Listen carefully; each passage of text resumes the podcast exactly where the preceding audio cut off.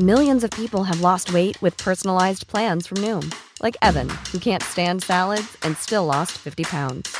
Salads, generally, for most people, are the easy button, right? For me, that wasn't an option. I never really was a salad guy. That's just not who I am. But Noom worked for me. Get your personalized plan today at Noom.com. Real Noom user compensated to provide their story. In four weeks, the typical Noom user can expect to lose one to two pounds per week. Individual results may vary. Den där, den här bruden som du håller på med, eller nyss Prata inte för mycket nu, det här är en podd. Kan vi klippa tillbaka? Ja, jag får klippa i början. Nöden har ingen lag. Välkommen till ett nytt avsnitt av podcasten Cyril och Stig. Cyril, det är jag, Cyril Hellman. Stig är författaren Stig Larsson. Podcasten produceras av Kontro. Dagens gäst är vetenskapsjournalisten Karin Boys. Karin var under 20 år vetenskapsredaktör på Dagens Nyheter. Hennes förra bok Min europeiska familj översattes till flera språk och belönades med Augustpriset. Nu är hon aktuell med boken Svenskarna och deras fäder skriven tillsammans med Peter Sjölund. Okej, välkomna säger vi till Karin Boys som eh, gästar oss här på Kontros kontor i Gamla stan. idag. Ehm, jag, jag, är lite, jag är lite intresserad bara, bara på din bakgrund.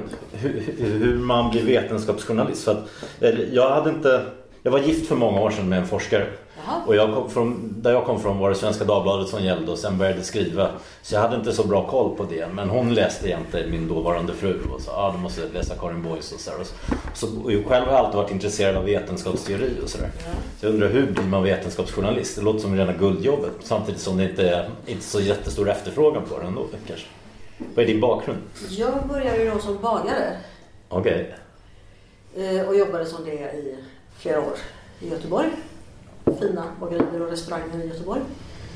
Sen så spelade jag fotboll men jag var ganska talanglös. Hade ingen bollsinne så att jag blev förflyttad för att vara tränare för småflickor. Där, var jag, där hade jag däremot en utomordentlig talang att leda de här flickorna. Och så då tänkte jag jag kanske ska bli lärare nu när jag har någon sån, det här var i Gårdsten, en förort till Göteborg. Jag kanske ska bli lärare nu när jag har så lätt för att få med mig de här barnen. Så jag började läsa på komvux och läsa in en massa ämnen som behövdes för att komma in till lärarhögskolan och det höll jag på med i flera år. Och sen så när jag hade, var klar med alla de där examen, så insåg jag att nej, jag ska nog inte bli lärare. Det, det blir för tungt. Det är för mycket. Det går snarare mycket sociala problem. Och jag insåg att jag skulle inte orka det där. Jag skulle, utan eh, däremot så verkar det ju bra att vara journalist. Det var nämligen precis samma ämne för att komma in på Journalisthögskolan. Det var väldigt höga betyg eh, och höga. Men jag hade det och jag hade också nästan fått på högskoleprovet. Så jag var en av de få som kom in på Journalisthögskolan. Det var väldigt liksom precis på den tiden och hö- höga intagningspoäng. Men jag kom ju faktiskt in. Så då tänkte jag okej, okej, okej, det verkar vara en bra utbildning. Den är på bara två år. Man får jobb direkt. Och sen drog jag mig fram där ett antal år och sen var det tillfälligheter som gjorde att jag kom in på vetenskapsjournalistik. Men du jobbade väldigt länge som Ja, jag var vetenskapsjournalist. chef för dels vetenskapsredaktion och vetenskapsredaktion. Ända sedan 80-talet? I eller? nästan, nästan Ja. 20 år. Innan jag slutade då, 2013. Ja, jag har ju det i alla de här åren. Det är löjligt. Men, eh, ja, men du skriver ju det också i dina böcker att du måste, få, du måste samla ihop eller samla på dig då massor med material och som nu när du Ja. skriver böcker men du får användning av. Nej, men jag och har ju, kontakter. alltså, jobbet som vetenskapsjournalist och så som jag har gjort det för en dagstidning för nyhetsbevakning. Det går ju ut väldigt mycket på att följa vad som kommer i de ledande vetenskapliga tidskrifterna. Och läsa det och intervjua en massa forskare. Mm. Och ja, DNA har ju varit en mycket, mycket stor grej utav, mycket, mycket stor del av det därför att det har varit en sån explosiv utveckling av, på, av, Mm. inom DNA-forskningen de här senaste 20 åren. Och kriminalteknik till exempel, helt revolutionerat. Det var en kille som hette Alex Jeffreys som uppfann den här metoden som numera polisen använder. Jag har intervjuat honom och träffat honom. Och medicin och biologi ska vi bara inte prata om. Liksom helt revolutionerat. Och sen dessutom då det här med historia och arkeologi. Precis, och även då som- Sakta men säkert så har det, det kom fått allt större roll där.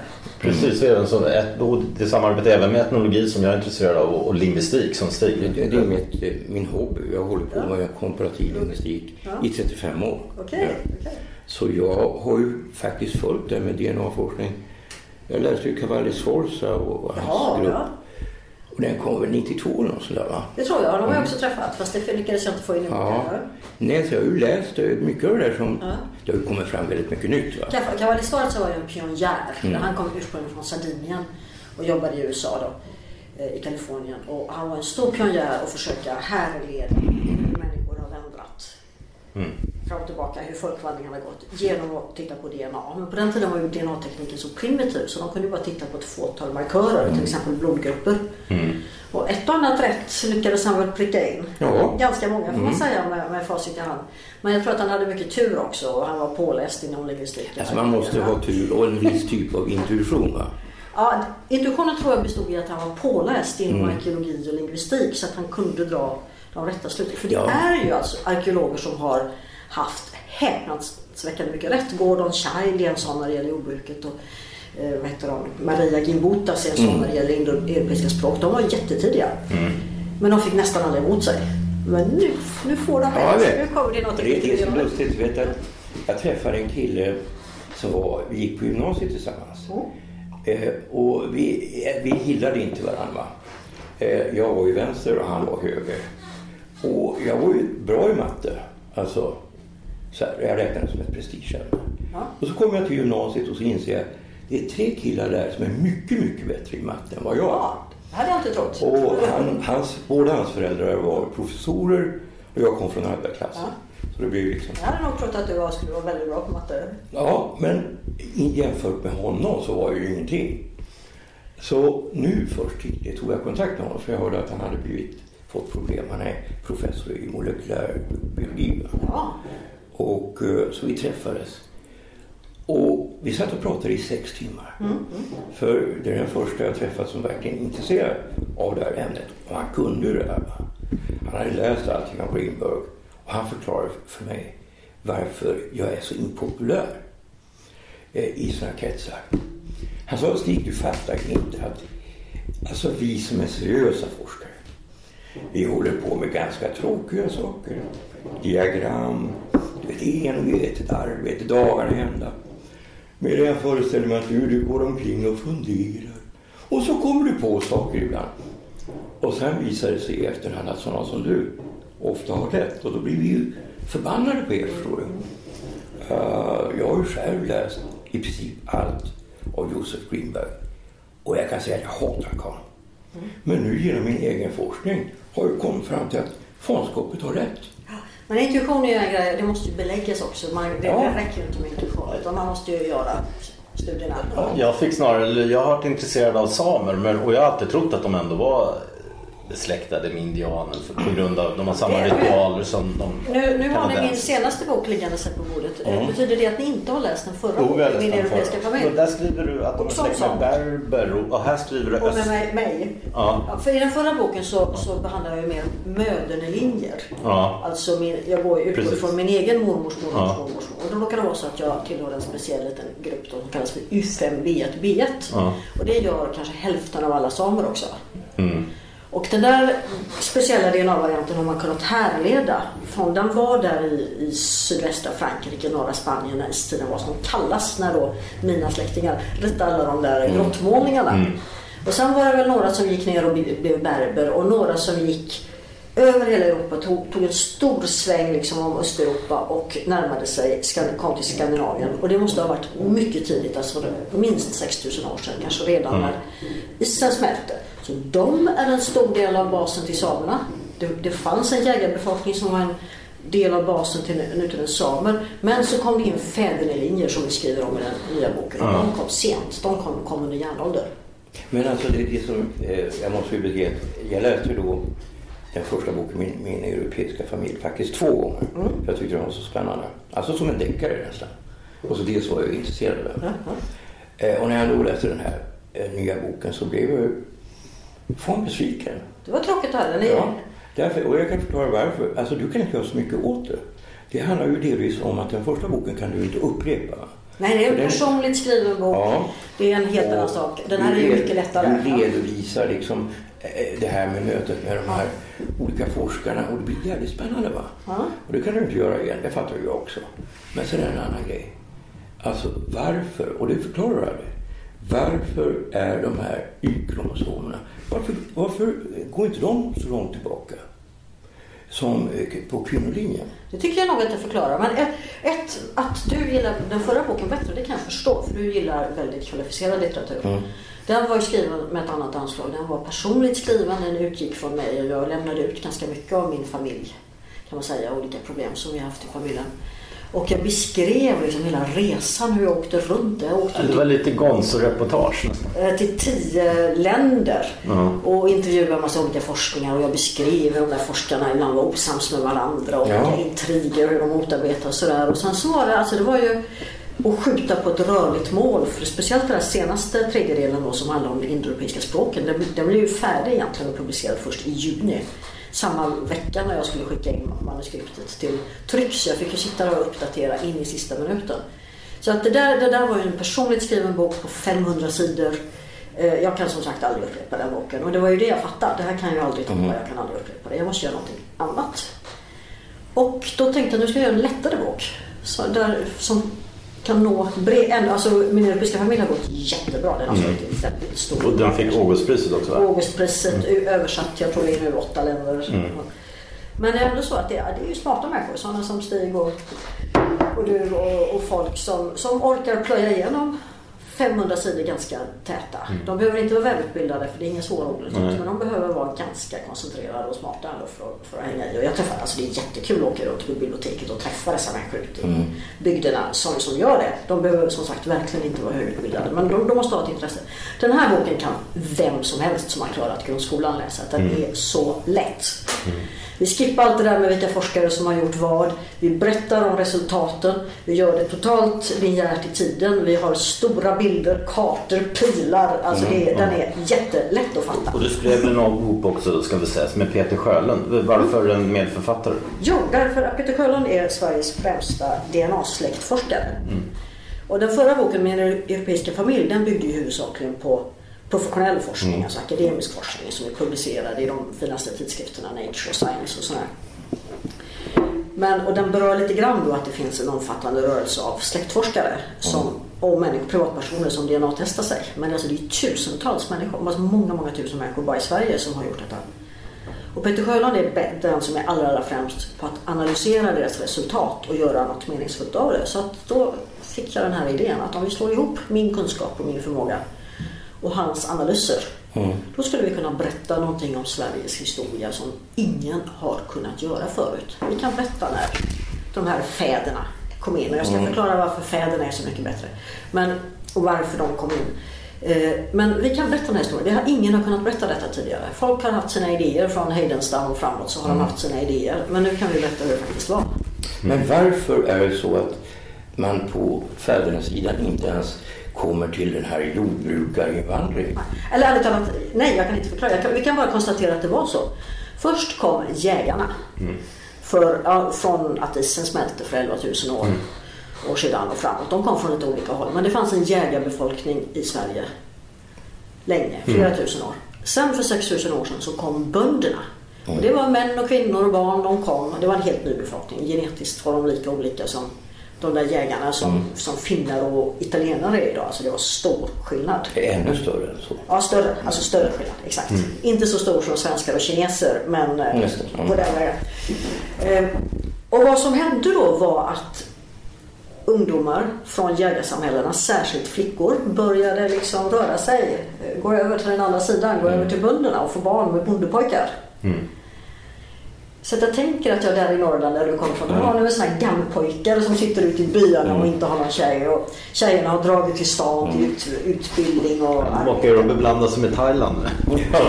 Ja, I det- Norrland. Ju det fanns inte på den tiden.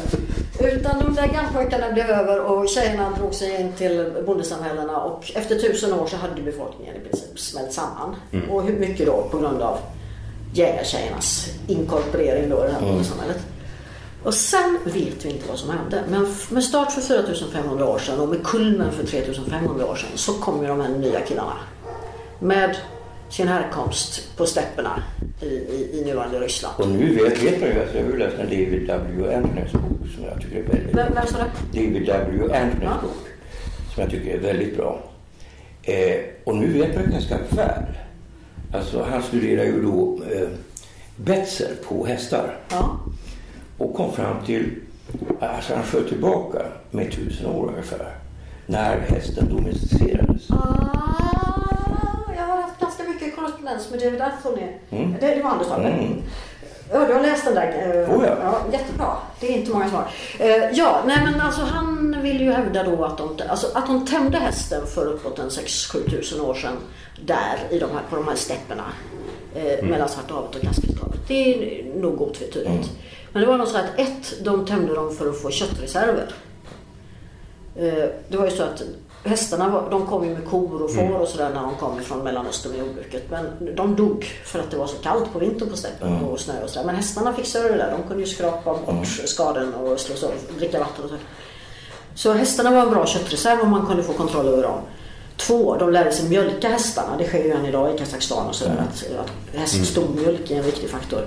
Men det där att rida, det tog nog längre tid. Och David Atherton är ju den som påpekar att det var väldigt tidigt. Okej, okej, okej, det var kanske så där på steppen. Men om du pratar med forskare som håller på här alltså i Centraleuropa och Danmark och Sverige. Det finns inte ett endaste bevis. Nej, nej, det är möjligt. Utan det Men är väl att de inte fick med sig hästarna. Nej, men det viktiga var ju då, för det var ju också så här eh, kallperiod. Det var ju det att hästarna rev ju upp snö va? Så Ja, att man visst. kunde hålla får. Det var ju ett perfekt husdjur att ha i den, Ja. i den klimatzonen. sen, sen, sen det här som jag tycker, alltså det är ju så att en, vissa andra, Sforza, han var ju inne på att både Renfrew och eh, de här andra då som hade den här idén om att det var, att de kommer från det här området, kunde ha rätt.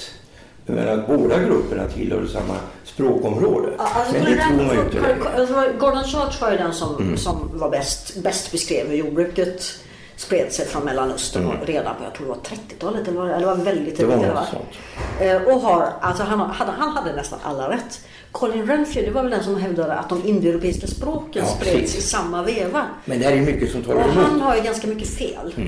Sen kan de ju ha åkt här så tvärs över Svarta havet lite Mm. grann så det kan vara lite mer komplicerat. Men alltså den här, alltså epicentrum för den här stora spridningen som har gått åt det. Där i Afghanistan, långt i öster.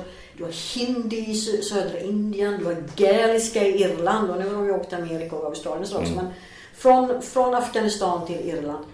Det var de där indoeuropeiska grabbarna.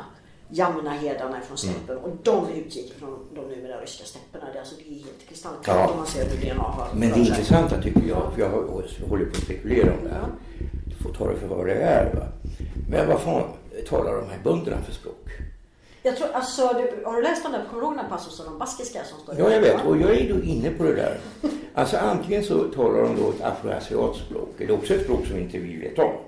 Alltså jag lutar åt baskiska, Ja, det- det- det åt baskiska hållet. Det är det jag gör också, men det får Ja. vissa konsekvenser.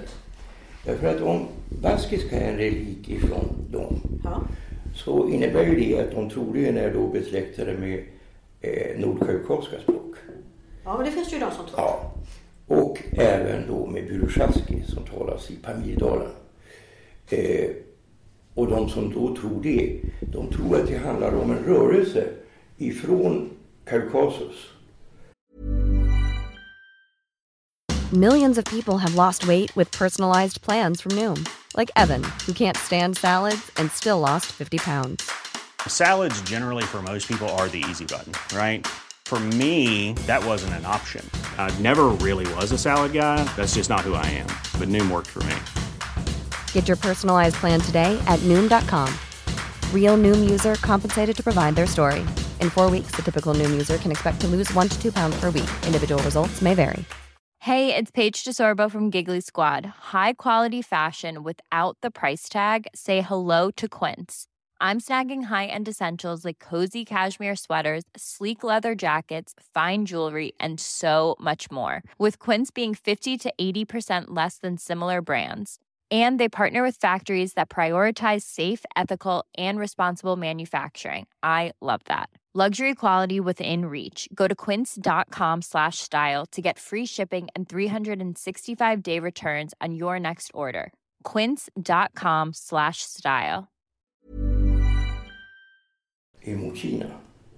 Och att de första kinesiska jordbrukarna, de talade också ett språk besläktat med det här.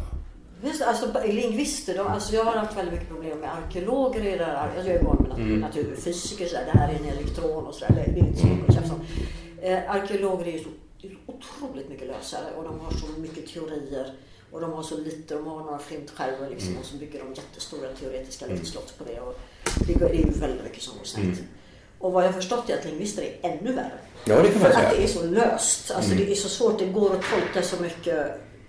Så det enda de kan göra är att försöka jämföra de olika språken och härleda hur det kan ha Ja, varit. jag- jag tror det finns så många möjligheter. Ja. Från början trodde inte jag ett ögonblick på det här.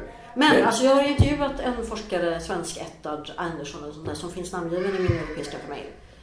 Eh, som är en stark, an- han är nog den kanske mest framträdande anhängaren av det här att baskiska och de nordkaukasiska språken har samma ursprung. Och det skulle ju stämma väldigt bra med, med hur Men antagligen så det finns ju ingenting som hindrar dem från att gått åt öster också. Jo, det finns det. Det finns nya DNA-resultat som har publicerats i år. Tre olika konkurrerande grupper. Som visar att alltså jordbruket i Iran var liksom en separat utvecklingslinje. Eh, Eh, det var lite att de utbytte idéer med de som var då eh, där i gränstrakterna, Turkiet, Syrien. Men genetiskt så är det Alltså det var, om jag- får säga iranska då, det är en förenkling. Men, men alltså jägare samlare i Zagrosbergen i nuvarande Iran. De utvecklade jordbruket och blev, fortsatte vara liksom likadana rent genetiskt när de blev jordbrukare. De spred jordbruket sen mot Indien. Mm. Så att det var alltså inte, men de där som åkte mot Baskien, de utgick ju från alltså östra medelhavet, Syrien, Turkiet. Och sen så åkte de båt eh, och kom fram, de började väl för 10 000 år sedan nästan, men de kom fram till nuvarande Spanien för kanske vad ska jag säga, Ja, 8 9 000 år sedan. Och då bildades den här alltså iberiska på den Iberiska halvön, den bondepopulationen, den, den består ungefär till 50-50 av de gamla spanska jägarna, de gamla iberiska jägarna och de inkommande bönderna från Syrien. Och de är alltså inte samma gäng som de är på mig. Så den, Jag fattar. Ja, du skriver lite grann om, om det i boken att tesorastrikerna skulle Ja, vara... de urgamla bönder Ja. alltså. Ja. Och det är otroligt fascinerande. En annan sak som jag funderar över det är ju då eh, hur man ska se på det här med istiden. Ja. Alltså, det finns ju teorier om att de här Altamira, Lascaux-gänget Ja. rörde sig norrut. Ja, definitivt. Jag är en sån. Jag är ett bevis för det. Så hamnade de i den här Hamburgkulturen och så drog de upp mot eh, Oslofjorden. Och om de hamnar i Hamburgkulturen så vill jag låta osagt för det finns inga mänskliga kvarlevor därifrån som man kan leda Nej, men det finns ju alltså, det finns rester där. Alltså. Ja, och jag tror inte Oslofjorden. Nej. Ja, mm, men, men alltså sen rör de sig norrut. Det finns ju den här, alltså den här snubben, amatörarkeolog från 50-talet, som skrev om Komsakulturen. Alltså att det skulle ha funnits en kultur ungefär vid Tromsö. Ja, det, det, hans idé är nog lite förlegade. Och när det gäller det där, alltså de där från Lascaux och det här gänget. Det, det är ju, den har jag väldigt noga beskrivit i förra boken om min europeiska familj. Bland annat därför att jag själv har den här, tillhör den här möderlinjen. Men alltså det Och där är är... det inte minst en estnisk forskare som heter Kristina Tambets som har, hennes doktorsavhandling handlar om det. Hur hon kan alltså visa hur de drog över Europa så här och, och Don därifrån, mot Östeuropa. Hur de spred sig upp i Europa, Östeuropa och hur de närmade sig alltså Skandinavien österifrån. Kont- Kontraintuitivt eftersom de kom från Spanien. Men de närmade sig från öster. Alltså, Ja. och, och, och, om jag uppfattar din bok rätt så, så, så Sverige och svenska, de som, som har anfäder långt tillbaka i Sverige, de, de kommer från två håll. Från öster och sen från England, det hållet också. Eller? Det har ju kommit folk från alla möjliga håll. Ja. Men, men våra anfäder då, om vi håller oss till dem, för det är Ja. det den nya boken handlar om.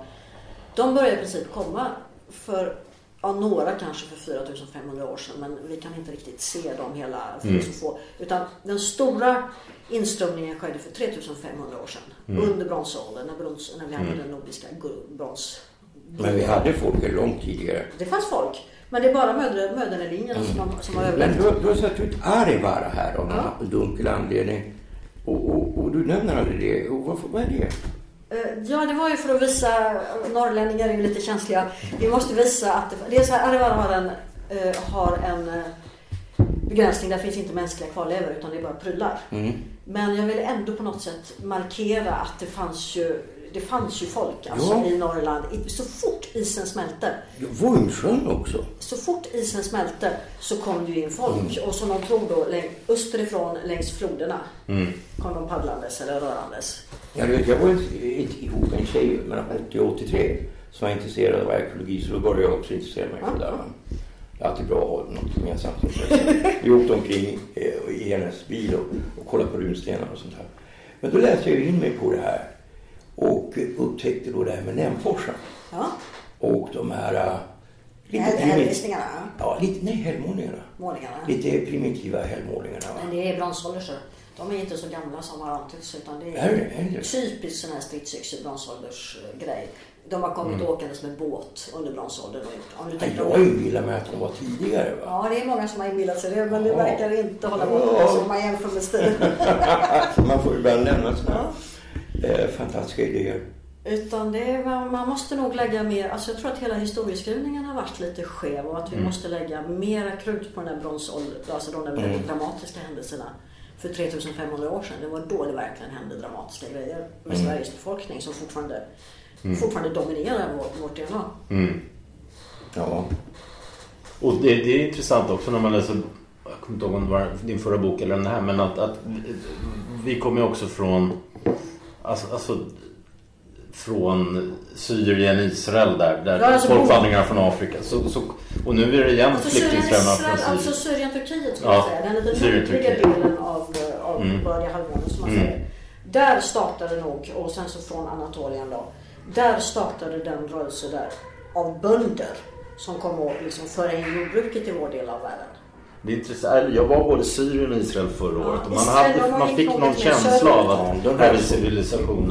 Och det var hyddor och sånt som nästan från den tiden fortfarande. Eller lerhus och så bodde man i. Ja. Det var en speciell känsla var det. Ja, alltså det var ju ett större område där jo- jordbruket utvecklades. Och det som jag tror är mest relevant för oss i, i vår del av Europa, det var ju de som var där gränstrakterna. Syrien, Turkiet, Eufrat och Ti- Tigris uppe i bergs, bergstrakterna där. De tror jag var, hade mest betydelse för oss. Och sen drog de över Anatolien. Och det var startpunkten så att säga. Och sen åkte de över Egeiska havet till grekiska övärlden och till fastlandsgrekland och upp genom floderna. Genom Balkan upp till vår del av Europa. Det är så jordbruket har kommit till oss. Sen, För att byta ämne, för vi måste ju komma in på det här med samer. Ja, ja, ja. ja. Och eh, samerna, de verkar ju ha blivit lite arga på dig. Det, alltså det är inte vad jag har med. Kanske Nej. några. Vissa samer kanske har blivit det. Alltså man behöver inte ha en och samma åsikt bara för att man är same. Nej, men alltså, Men- du menar att du tar ifrån dem rätten att vara naturfolk? Nej, nej, inte alls. Och jag har ju som sagt skrivit en, en bok tidigare. Med ett helt kapitel heter Är jag same? Där jag, det här som jag nyss berättade om att möderlinjen är urgammal. Den som jag själv har och som hälften av alla samer har. Den är urgammal. Den kan ha funnits sedan isen smälte och den har funnits minst 6000 år i vår lilla världen. Jo, men, Men, men, får jag bara berätta om samerna då? Eh, Fädernelinjerna är en annan historia. De kom under järnåldern och det visar vi i boken. Men vi blev intervjuade i Sameradion. De fick första tjing på intervju av oss. Så det var en väldigt entusiastisk intervju. Så att, jag, och jag har träffat flera samer. De har varit chefen för Aite museet Ja, ja. till exempel. Alla har hittills varit väldigt entusiastiska. Jaså, ja. Nej, men för jag uppfattar ju då, jag har alltid haft den här idén att för när man tittar på språket Ja. så är det någonting lite varg med samiska. Det är alla, får Det det kom in under järnåldern. Ja. Ja, alltså det är ju inte så att de skulle ha kommit tidigare för att det är alldeles likt finska. Det, det fanns ju människor som kom in tidigare. På Ja. Möderlinjen kan vi se det. Och Men, men eh, jag tror att de flesta samer kan ta den de informationen. kan ta det. Ja, det är bra. Som sagt, vår bok har blivit väldigt entusiastiskt mottagen. För när man tittar på samerna rent, eh, eller det är ju Cavalli Sorsa som påstår det och vissa andra senare också, så har samerna ett lite konstigt DNA, spretigt. Om man tittar på, om man tittar på kärn-DNA Mm. så, så skiljer de sig ganska mycket ifrån övriga europeer. Mm. Men det finns en förklaring till det. Att de är inavlade typ? Nej. Nej, sådana ord ska vi inte använda när det inte är nej. relevant. Utan det var en liten grupp. De var ganska avskurna. Under de här senaste 1500 Mm. åren så har de inte inavel för det är alldeles för stor grupp för det. Utan, men de har gift sig ganska mycket inom den egna gruppen. Mm. Den egna språkgruppen. Och då får man det där mönstret om de var en liten grupp. Ja, men de har liksom från olika delar, så de har ju en hel del DNA också ifrån alltså, samoyeder och så. Ja, det har säkert du också. vi är. Ju Jo. blandningar alltså. Ja, det ja, är ja, ju själva naturligtvis. bokens själva Men alltså gamla samiska legender det handlar ju om att de har rört sig. Ja, ja. Alltså, de jagar ju vildren. Och då rör man sig, framförallt om det är tundra och så. Va? under, över stora ytor. Ja, ja. Så det är inget konstigt att de har rört sig. Men som sagt, vi har ju ritat pilar i, bok, i boken Ja. här där man verkligen kan härleda var de här olika fädernelinjerna kom. Och några av dem kom ju liksom sen gammalt då från, från nuvarande Ryssland. Ananin, Mm. Till exempel, där vet man att det fanns kontakter. Den var ju alltså ungefär från tiden för Jesu födelse. Det var en järnålderskultur, där fanns långväga kontakter mellan nuvarande Sápmi och den här kulturen som var ända borta i Ural. Så att det har funnits rörelser alltså, Mm. Ja, tusentals år. Folk rör på sig. Ja. Men jag träffade bara för någon månad sedan, jag var uppe i Tromsö. Ja. Och, och så träffade jag dels en tjej som var författare som var kvän. Ja. Och sen så var Nackkärras tjej var forskare Ja, ja. Så vi började snacka om kväner. Och eh, båda hävdade då att de var inte riktigt samer. Nej, de, var- alltså jag är inte så insatt i det här norrländska. Ja, det jag heller. Eh, Men det är väl en slags finnar som har kommit upp Ja, under de, historiens lopp. Jag vet inte när. fast de, de, de, är, alltså, de menar på att de är en egen grupp. Va? En finsktalande grupp. Ja, men inte riktigt tydligen. Jag vet Ja, inte. någon slags avknoppning. Ungefär som de här meänkieli Ja, det- i, det är så jag tror nuvarande. Sverige så är det en avknoppning från Mm. finskan så att säga. Men den här konstigt. han menade att hans tjej hade kommit fram till att de hade liksom connections med Chantymansi, alltså de här som är relaterade till ungrarna Det låter jättekonstigt. Det låter, alltså de som är rela- alltså, men ja, den rörelsen kan absolut ha Mm. Men ungrare ska man komma ihåg. De avknappades ju. Anledningen till att de pratar ungerska i Ungern. Det är någon liten invandring från Ural. Ja, För, det är ju för, för ungefär senare. 2000 år sedan. Mm. Men den är mycket senare. Och den är pytteliten. Alltså ett par procent Mm. gubbar har av någon anledning lyckats pådyvla hela ungerska folket sitt uraliska språk. Ja. Och det är bara det är pytteliten procent. Annars ser ungrare ut precis som andra centrala Ja. genetiskt. Det är samma sak med turkar. Jag är inte så inläst på turkar. Det har varit väldigt mycket rörelser i Turkiet så det är väldigt Ja, komplicerat. titta på det, turkarnas DNA så är de ju ungefär som andra europeer runt omkring. Alltså folk ligger med sina grannar Mm. i allmänhet. Det finns ju så hela tiden en gradient. Så att i, all, i allmänhet så är det liksom de här Är det geografiska. krigarkulturer? Det, det undrar jag från krig som du, du skrev om olika från Sveriges stormaktstid och sånt där.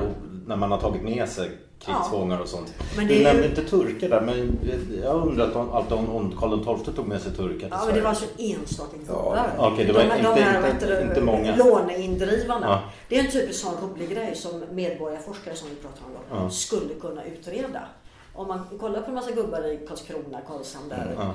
och det dyker upp exotiska haplogrupper som heter. Alltså, Ja, min mamma hörde att i Hälsingland kunde ha fört med sig någon turkar. Alltså de där gäldenärerna Mm. eller vad det heter, de var framförallt i Karlshamn och Karlskrona. Och har man, ja, min morfar till exempel kommer därifrån. Det skulle vara kul fast jag, det, jag, kan, jag har inte tillgång till hans DNA. Han är död. Eh, Men det skulle vara väldigt kul att se. Om, om, då, det är mycket möjligt att man kan hitta spåren efter Karl XIIs gäldenärer om man kollar lite gubbar i Karlshamn. Ja, ja. Och det är typiskt ett sånt roligt projekt som, Mm. som medborgarforskare skulle kunna ta itu med. För de professionella forskarna kommer inte vara så Ja, intresserade. det är en annan grej som är väldigt bisarr. Det är ju då den här speciella sjukan som faktiskt PO har. Alltså den här porfyri. Ja. Eh, den, kom, den finns ju mest i Porto. Och sen finns den i Burträsktrakten. Det var den där som kom in med Skellefteå, en sjöman som kom från Ja, en Skellefteå. sjöman i Sitio. Ja. Och, eh, och det är isolerat till Porto och Ja, ja. i Det är jätteintressant och där finns ju så många DNA-släktforskare. Det Jag är ju vet, en Sveriges person, centrum. en person. Men där finns många DNA-släktforskare just nu redan för att de är några entusiaster. Peter Sjöholm bland annat håller Mm. till i de Ja, Stig är i släkt med Bure också. Där, som Ja, jag är släkt med Bures. Ja, ja, ja.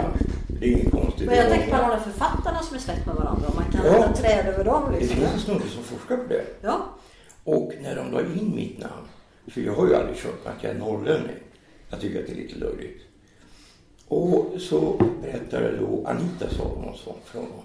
Ja men Stig Larsson, han är ju också härifrån. Ja. För du vet min pappa han jobbade med Kurt Salomonsson i Laisvallgruvan. Ja. Så han visste mycket väl att Ja, jag var. Så kolla honom också. Ja. Så när han la in mig, då klickade det plötsligt. Så det visade sig att P.O. var släkt med Torne Lindgren och eh, alltså vi är släkt allihopa. Men hur, finns det några mönster i det här Ja. släktskapet? Alltså det går tillbaka till någon nu som heter Sara Nikodemusdotter. Ja. Så det är på Mödernelinjen här det här går eller? Jag har tidigare, alltså, ja, jag har aldrig träffat snubben. Han ringde mig en lördagkväll klockan tio, det är lite ovanligt. Uh, Fredman heter han, nog, från Burträsk. Och uh, min kusin har haft kontakt med honom. Uh, men alltså alla är tydligen släkt. Även Tore Frängsmyr och Lisa Marklund och... Ja, nej inte hon. Den andra Stig Larsson, det har jag läst. Ja, han är släkt med mig. Ja. Ganska nära släkt med mig.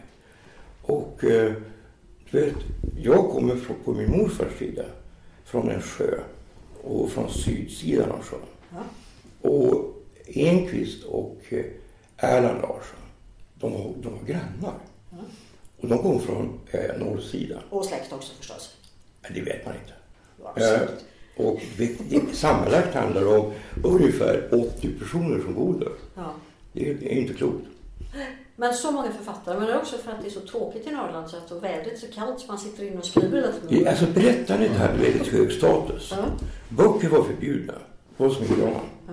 Så det var muntligt berättande? Då? Muntligt berättande. Ja. Och det stod kvinnorna mycket för. För jag tänker på Island. Där är det ju också en enormt hög andel författare i förhållande till befolkningen. Kan inte det vara samma fenomen? Ja, alltså, att man är mycket inomhus? Ja, och att berättande har väldigt hög status. Ja. ja det är ju väldigt, isländskan är också väldigt eh, korthugget. Man ska säga. Och, så det, det som norrlänningar. Ja. ja, men det känns som att det, du berättar inga överflöd. Dräpte Knut. Nej, men alltså på min, det är på min farmors sida. Jag har och farmor var ju den stora berättaren i släkten. Sen fick hon stroke och blev stam och summolag. När hon var 52 va. Men hon visar ingen bitterhet. Ja, ja, ja, hon har betytt mycket för mig. Mm. Uh, men hon, hon kan, alltså, jag gör väldigt mycket gester i vår släkt. Så. Mm. så jag kallades för italienare när jag började i skolan. För alla tyckte att det var så komiskt att jag liksom gestikulerade. Mm. Och, och jag vet inte var det kommer ifrån. Men så har min... Det gör jag också väldigt Min släkt min, på min pappas sida va. De, de, de som berättar, är det de som gestikulerar mycket? Ja, de gestikulerar va. Men sammanfaller det med de som är bra på att berätta? Ja. Coolt, jag är också, jag är också väldigt mycket för att vifta. Men det kommer från min farmor tydligen. Där. Mm. Jag tror att vi är klara. Ja. Ni har lyssnat på podcasten Cyril och Stig producerad av Contro. Vi hoppas ni gillar det ni har hört och går in på acast.com och prenumererar och delar på Facebook och Twitter till era vänner. Det är inte gratis att göra bra podcast och vi är beroende av bidrag och uppskattar varje sådant.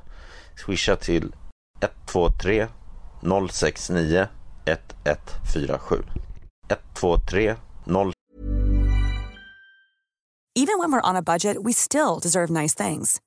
Quince is a place to scoop up stunning high-end goods for 50 to 80% less than similar brands. They have buttery soft cashmere sweaters starting at $50, luxurious Italian leather bags, and so much more. Plus, Quince only works with factories that use safe, ethical, and responsible manufacturing. Get the high-end goods you'll love without the high price tag with Quince. Go to quince.com/style for free shipping and 365-day returns. 69 1147